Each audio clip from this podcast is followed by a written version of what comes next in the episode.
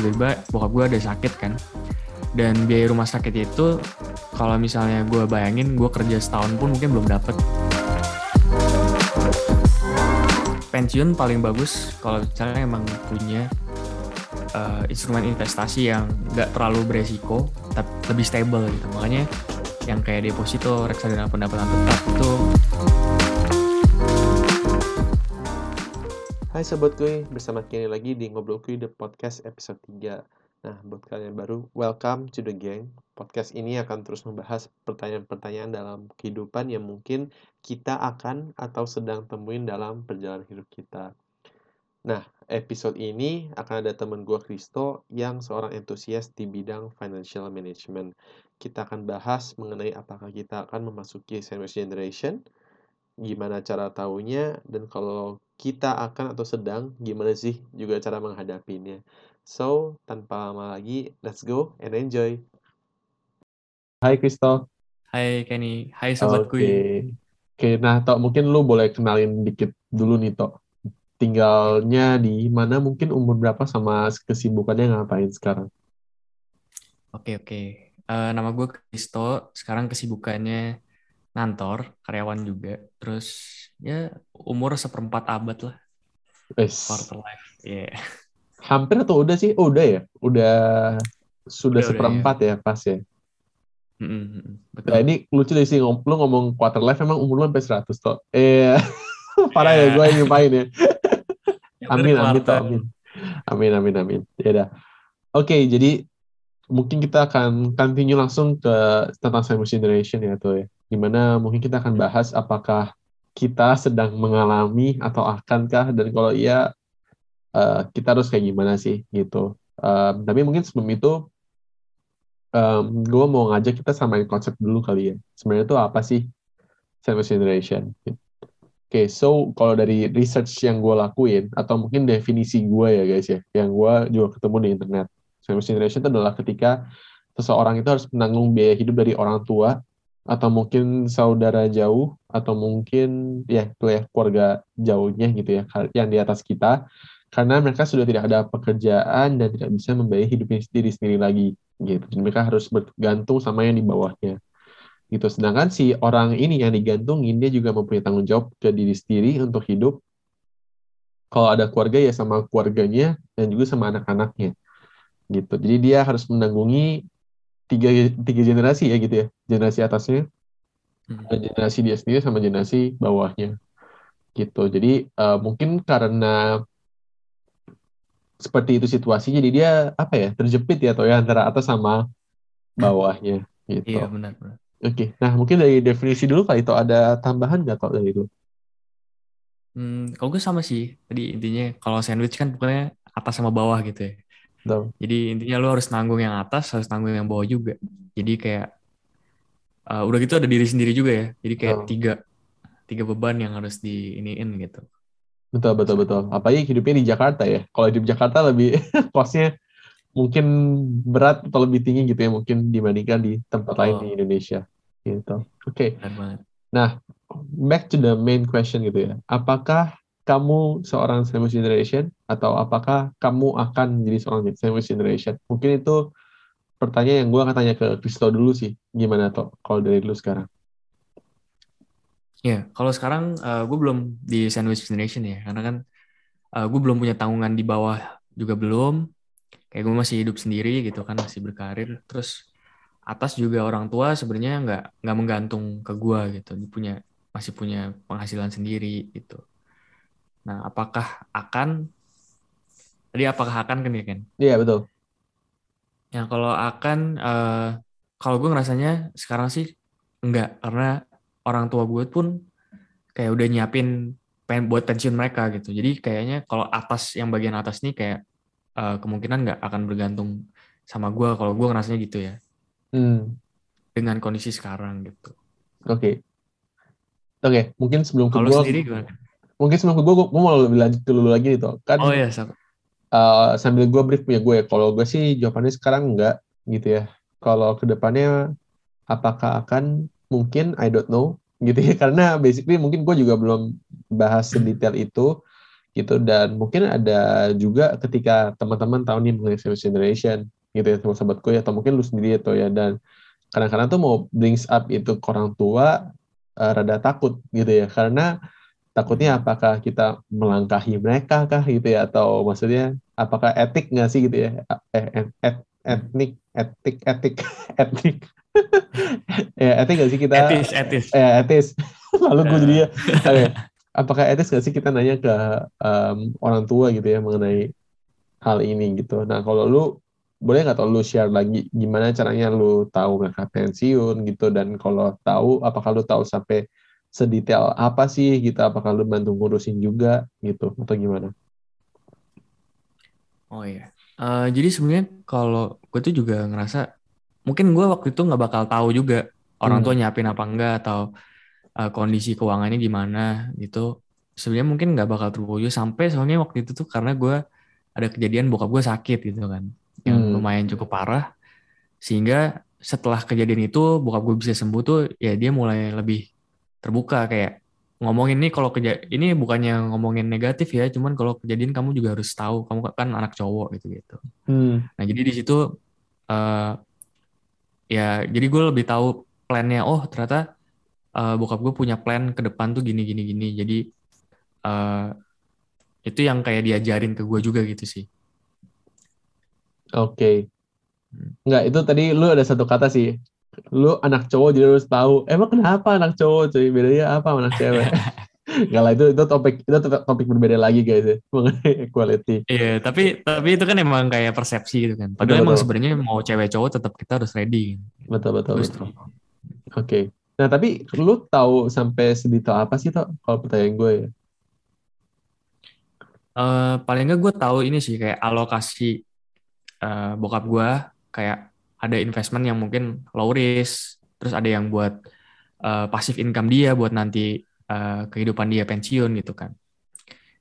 Terus mungkin kalau dia mau ada side business yang emang dia mau jalanin ketika pensiun itu tuh uh, plannya oh. paling nggak udah ada di, di pikiran gitu kan. Hmm. I see. Nah ini mungkin gue coba recap ya karena menurut gue nih praktikal sih nanti lu tambahin aja kalau lu mau tambahin gitu ya. Jadi kalau yang gue lihat yang lu tahu sekarang itu adalah pertama ya pasti ortu lu ada eh ini berarti bukan lu ya gue berarti yang kita penting tahu gitu ya mungkin untuk mencegah uh, kalau emang kita belum di sandwich generation walaupun uh, kondisi orang tua lu atau penghasilan orang tua lu segimanapun satu apakah mereka punya asuransi kesehatan atau enggak? Gitu ya karena menurut gue yang yang bikin sandwich generation itu sebenarnya bu, bukannya bukan jiwa kali ya tapi ya mungkin jiwa iya sih kalau dia kalau orang tua lu jadi main generator money in the in the family gitu. Tapi menurut gue yang penting kayak kesehatan dulu gak sih gitu ya? Gitu. Kesehatan iya, uh, kalau ada sakit kenapa-napa terus kalau buat sehari-hari apakah mereka ada investasi apa pun itu ya sehingga mungkin bunganya bisa mereka pakai untuk uh, biaya mereka hidup sehari-hari. Gitu ya. Mungkin dua, dua risknya juga Kenapa? Sorry, sorry. Lanjut aja dulu, Ken. eh, nggak apa. Uh, dua itu aja nggak sih? Atau ada lagi atau ya? Yang menurut lu penting gitu untuk untuk untuk lu tahu gitu dalam persiapan financial orang tua lu juga kayak gitu. Hmm.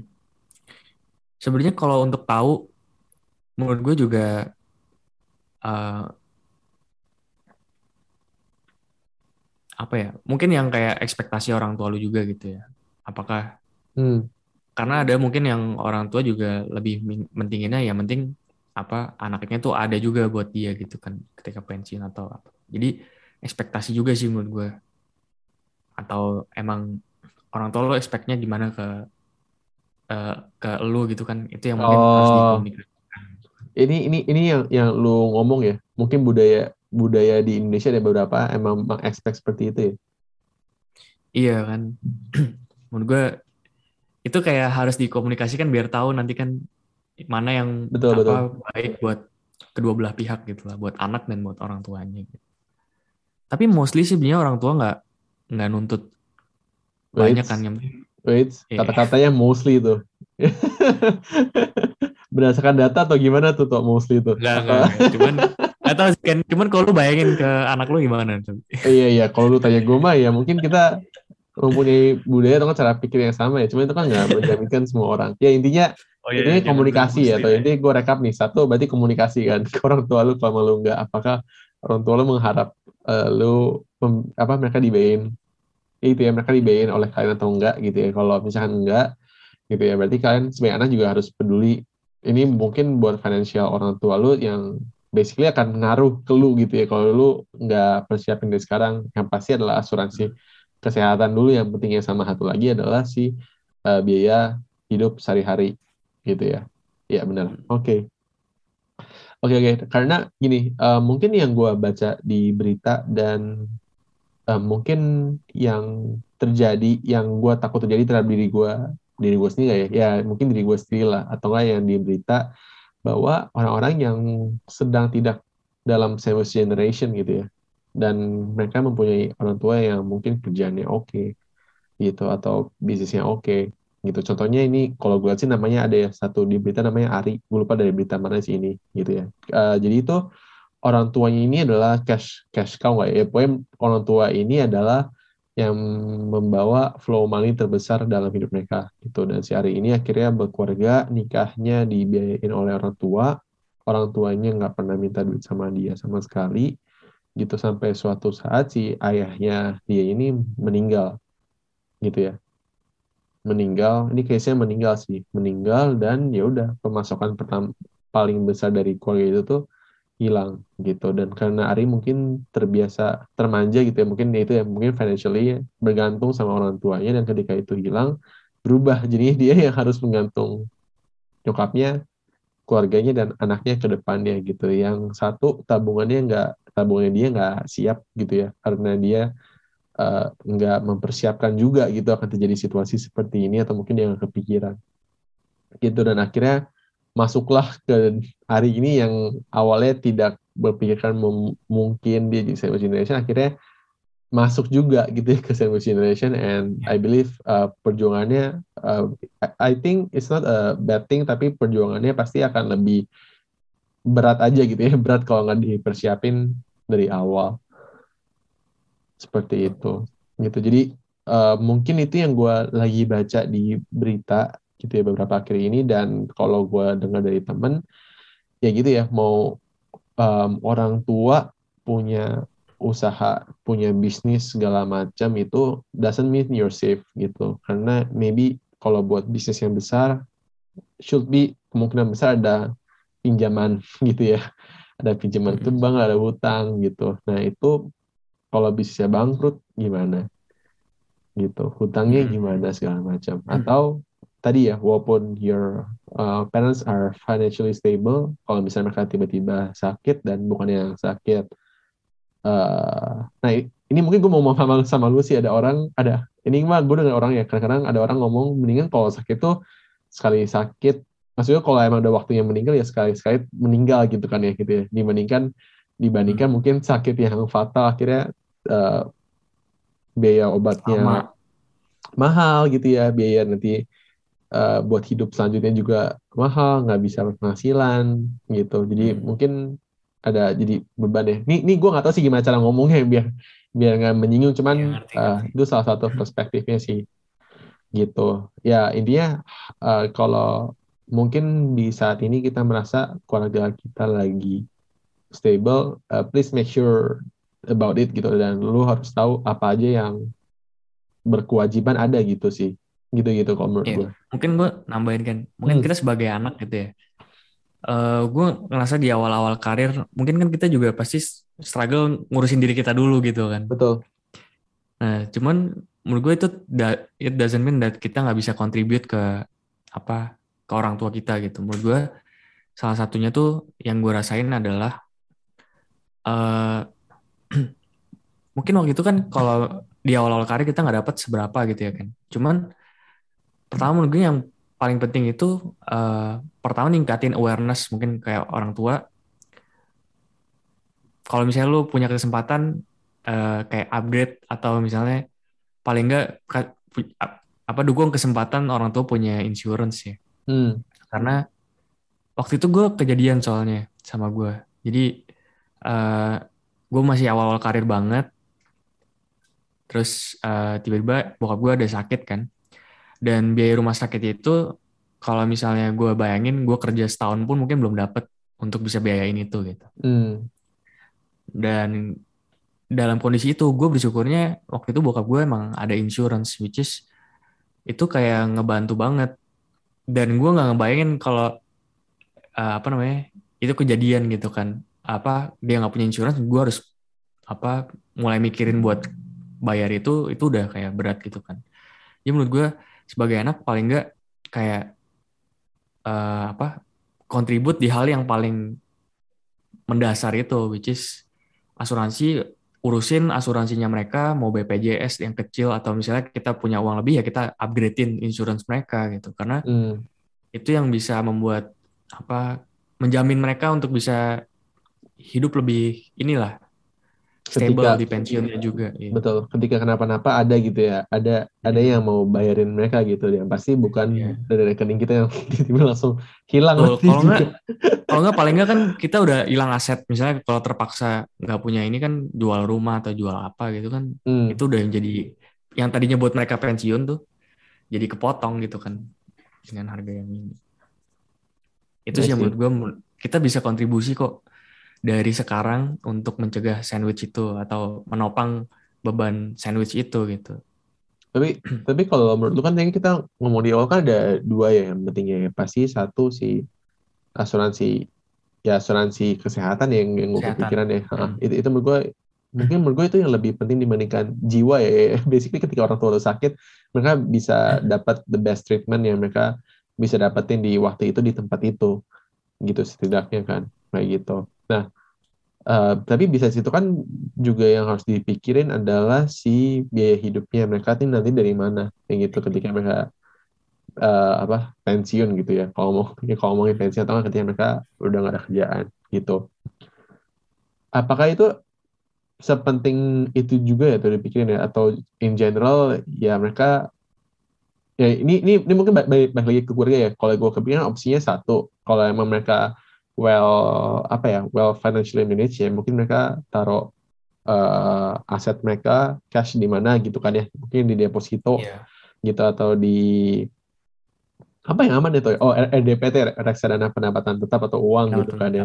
betul bunganya mereka cairin untuk mereka dapat uh, apa biaya hidup sehari-hari. Paling kayak gitu ya kalau mereka nggak lakuin itu berarti mereka potong terus aja dari dari tabungan mereka ya kalau udah pensiun ya. Ini ini menarik sih. Gue nggak nggak gue belum kepikiran dari mana lagi kayak gitu. Iya sih. Emang kalau misalnya apa pensiun paling bagus kalau misalnya emang punya uh, instrumen investasi yang nggak terlalu beresiko tapi lebih stable gitu. Makanya yang kayak deposito reksadana pendapatan tetap itu menjadi apa menarik gitu untuk mereka gitu kan sebenarnya. Itu sih yang gue dapet. Nah terus kan kayak mungkin kita tahu ya kan ada yang saat ada yang uh, metode terkenal 4% rule. Mm. itu di mana apa orang kayak istilahnya narik 4% dari investasinya tiap tahun itu untuk uh, dipakai buat biaya hidupnya gitu. Nah, hmm. itu kan kayak oh itu berarti definisinya adalah udah apa financial independent gitu ya. Betul betul. Ini ini ini gue pernah dengar kayaknya udah main sering di di ngomongin sih. Basically konsepnya sama kan. Uh, percent maybe datang dari mana ya? Atau dari dari nilai defisit deposito nggak sih? Bukan ya? Gue lupa sih 4% datang, datang dari mana. Rata-rata itu bunga oh. bunga bank teraman kah atau itu jadi kayak udah melalui eksperimen bertahun-tahun gitu. Jadi kalau diambil apa 4% jumlahnya 4% per tahun itu dalam kondisi krisis pun atau gimana tuh uh, hasilnya tetap masih bagus gitu hmm. investasi nggak akan kayak apa ya terlalu terkikis lah nggak kebanyakan nggak terlalu dikit gitu I sih ya berarti tapi ini oh, gitu. ya mungkin kalau gue mau coba rang bukan rangkumin ya uh, give uh, apa ya mungkin bahasa lebih singkatnya intinya cari harta di mana harta itu bunga 4% bisa menghidupi lu selama setahun gitu kan ya. Iya. Betul. Kasarnya gitu udah langsung gampang. Sebenarnya ada lagi ada hitungannya gampang lagi kan. Kayak apa biaya hidup. Mm -hmm. Di setahunin kali dua eh kali 25 apa kali 4 gue lupa. Kali 25. Pokoknya cuma gitu doang. Iya, uh, kali kali 25. Kali 25. Misalnya biaya hidup 5 juta. Hmm. Kali berapa kali berapa langsung kali 4 kayaknya. Ya tapi kan sebenarnya ada inflasi dan segala macam tapi intinya menurut gue do your research aja gak sih kayaknya menurut gue di luar sana udah banyak banget uh, langkah-langkahnya lo mau tulis 4% rule menurut gue kayak juga harusnya udah ada kalkulator ya karena menurut gue cukup baik cukup cukup sering cukup sering dibahas sih gitu yeah. sama teman-teman di sana. By the way, by the way, uh, lanjut ke ngomongin sandwich generation lagi. Kalau tadi gue recap lagi nih, recap lagi berarti buat kita yang khususnya mungkin buat buat buat orang sobatku yang kayak gue yang mungkin belum sempat waktu discuss atau masih belum tahu banget gitu ya pasti step-step pertama kita harus discuss and cari tahu dulu sih sebenarnya how well is our uh, uh, apa ya family financial ya kayak gitu ya mungkin lebih hmm. tepatnya orang tua kita financial tuh kayak gimana sih gitu it doesn't mean kita disrespect mereka gitu ya tapi justru kita mau planning untuk gimana yeah. cara give them our ya give them atau sebenarnya balik lagi ke kita kan. Itu itu balik lagi pasti ke diri kita uh, best nanti ke depan itu seperti apa sih? Seperti itu. Dan kalau iya berarti stepnya adalah cek dari mereka punya asuransi kesehatan atau enggak. Kalau enggak ada coba diambilin gitu. Karena kalau kata agen asuransi apa toh? Apa tuh?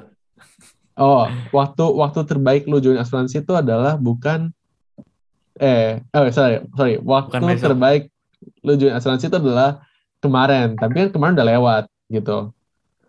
Iya. Yeah. jadi waktu terbaik lu untuk ikut asuransi ya sekarang gitu. Biar nggak telat lagi ke depan ya jadi join guys. Nggak nggak. Kita kita nggak jual. Udah pinter dia jualan dia.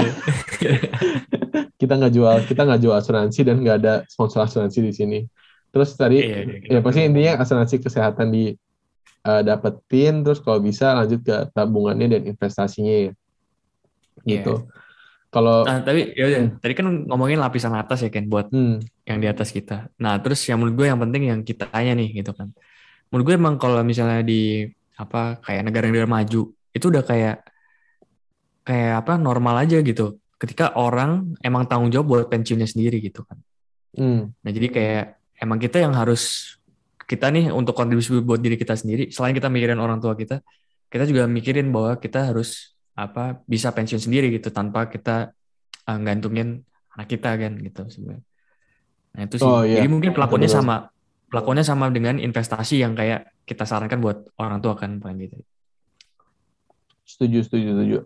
Hmm. tadi yang gue mau nambahin itu uh, tadi ya berarti kan selanjutnya benar uh, asuransi terus investasi ke aset kita gitu ya kalau bisa dapetin yang the 4% rule oke okay, gitu ya.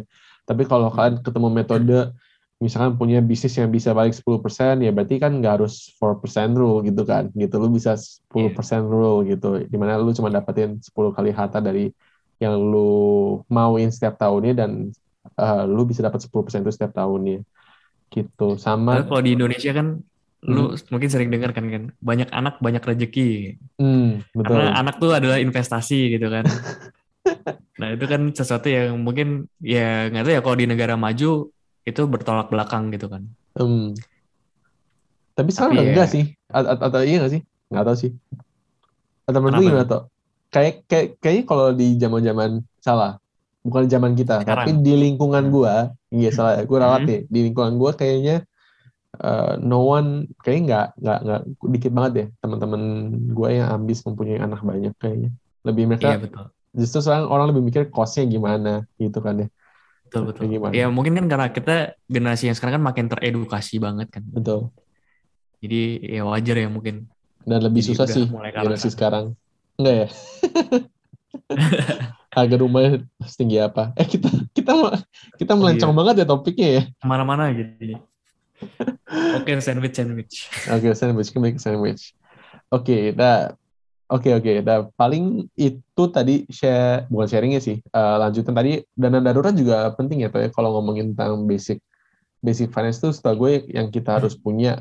Tapi ini kita ya berarti kita sekarang sebenarnya kalau orang tua punya itu juga bisa. Yang penting kebutuhan itu ada ya asuransi sama dana darurat ya itu yang paling simple kan ya ya.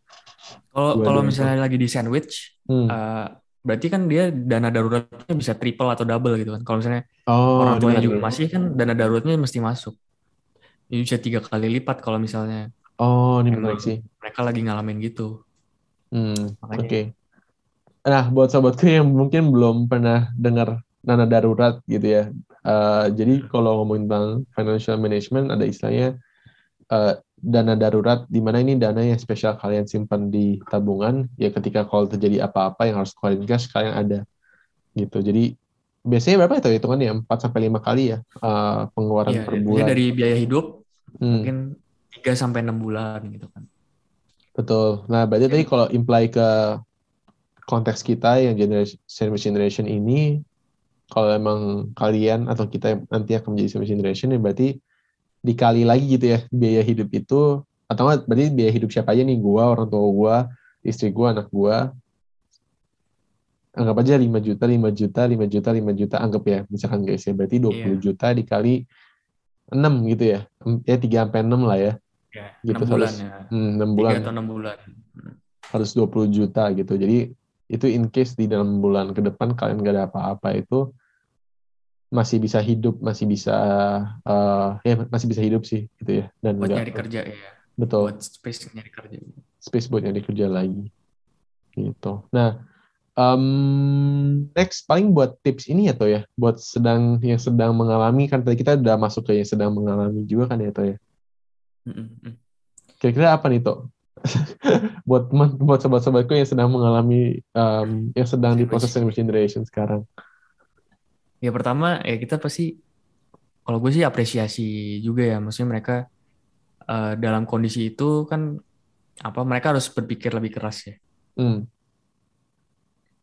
Terus uh, menurut gue sih tetap bukan berarti nggak ada jalan keluar gitu kan. Menurut gue justru sandwich itu uh, kalau misalnya lagi di sandwich tetap ada jalan keluar gitu. Justru kayak dengan kalian bisa dengan kita bisa manage kayak tadi misalnya yang basic needs, basic hmm. needs. Hmm. Terus emang ngumpulin dana darurat lebih aware pastinya kan sama apa alokasi dana menurut gue uh, bukan berarti nggak ada jalan keluar sih gitu. Hmm, kalau kalau dari gue sih uh, mungkin buat kalian yang sedang ngalamin itu I think it's a privilege sih menurut gue ya sebuah sebuah kehormatan juga sih gitu ya untuk untuk untuk bisa ngelakuin lakuin itu. Karena basically ya kalian membebankan hidup kalian untuk orang lain gitu. And I believe ya harus ngelakuin itu semoga nggak cuma karena kewajiban atau karena ya dia ayah gue gitu tapi emang karena actually uh, maybe apa ya dalam hal uh, membayar mereka balik gitu ya dengan apa yang mungkin orang tua lu sudah memberikan kepada lu gitu. Atau ya basically uh, bentuk cinta bentuk sayang kalian bentuk bentuk peduli kalian kepada orang-orang kalian sayangin gitu. Jadi um, buat gue ngeliat sih orang-orang yang ngelakuin seperti itu menurut gue itu sebuah privilege dan kehormatan dan ya keren sih gitu ya kalau yang bisa ngelakuin seperti itu gitu. Karena itu nggak nggak nggak mudah gitu sama sekali prosesnya. Itu but agree banget sama Kristo. Itu bukan bukan berarti apa itu ya bukan berarti berakhir ya cuman menurut gue pasti ada ada jalan keluarnya gitu asal bisa aware dengan satu dua hal tadi terutama dana darurat hmm. sama asuransi uh, asalkan mungkin udah bisa mencukupi itu gitu ya itu kayak udah lebih aman yeah. dan lebih stabil sih gitu kalau ada sakit ya kenapa-napa yeah. gitu ya kalau ada uh, pemberhentian juga masih bisa cari dalam waktu 3 sampai enam bulan itu seperti itu. Iya. Um, Oke okay guys, jadi mungkin tadi itu kita udah bahas ya mengenai sandwich generation. To recap, to recap gitu ya. Um, seperti judul podcast ini, Are you we sandwich generation or not? Buat yang sedang mengalami, kalau dari gue sih pesannya ya tadi ya, uh, itu sebuah kehormatan dan semangat buat teman-teman itu nggak mudah dan please uh, bisa pikirin tadi kebutuhan-kebutuhan finansial dasar walaupun itu sepele mungkin kelihatannya tapi itu menurut gue akan membantu banget sih untuk bisa penuhin itu gitu. Dan mungkin khususnya buat teman-teman buat sobatku yang situasinya seperti kayak gue yang gue juga masih belum tahu uh, semoga dalam bulan ini gitu kita bisa take action. Atau mungkin kalau teman-teman mau ekstrim besok bisa take action gitu ya. Coba ajak ngobrol aja gitu sama tuh ajak ngobrol santai untuk tahu uh, keadaan mereka, financial mereka gimana, sehingga kita juga bisa lebih tenang dan bisa lebih planning kalau emang belum harus kayak gimana. Dan kalau udah ya udah berarti kita bisa lebih kita bisa lanjut fokus kepada uh, finansial diri kita sendiri. Uh, tiga kunci dua kunci utama penting menurut gue tetap tadi asuransi kesehatan itu wajib ada gitu biar nggak cash keluar banyak ketika terjadi apa-apa dan selalu ada yang bisa uh, semoga asuransi juga bisa membantu uh, ketika terjadi apa-apa sama dana darurat gitu. Biar kalian um, punya patokan aja sih gitu ya ketika tiga enam bulan nggak ada kerjaan masih bisa uh, hidup masih bisa membiayai hidup kalian sendiri. Gitu. Iya, kalau lu uh, kalau lu gue mungkin pesannya uh, ya kadang-kadang kita ngelihat sandwich nation kan ada atas, ada kita, terus ada keturunan kita ya. Nah kadang-kadang mungkin kadang-kadang di sandwich ini sandwich nation kalau misalnya ada yang lagi ngalamin, mungkin kadang-kadang kita jadi kayak nyalain yang atas nih gitu kan. Kenapa nggak seberuntung apa gitu-gitu? Padahal sebenarnya ya kayak tadi Kenny bilang bisa bilang itu privilege gitu karena uh, itu kesempatan kayak untuk kita uh, apa ya berkontribusi karena kontribusi itu bukan cuman uh, dari ini ya kayak kalau kita punya rezeki kita berkontribusi padahal kayak dari persiapan kayak kita ngurusin surat-surat mereka mungkin untuk insurance atau apa kayak itu itu udah jadi kontribusi yang sangat luar biasa menurut gue sebagai seorang anak gitu. Karena itu yang dibutuhin kadang orang punya uang pun belum tentu apa punya aware ke sana. Terus kalau misalnya untuk ngatasinnya ya emang tetap basicnya tiga yang tadi Kenny mungkin udah mention sih. Uh, kita harus maintain dari tiga ya dana darurat terus asuransi buat transfer risk kita ke orang ke perusahaan lain buat jadi kita nggak nanggung semuanya sendiri. Terus yang ketiga ya tetap investasi buat apa buat kita jadi kita nggak bebanin uh, nanti keturunan di bawah kita gitu kan.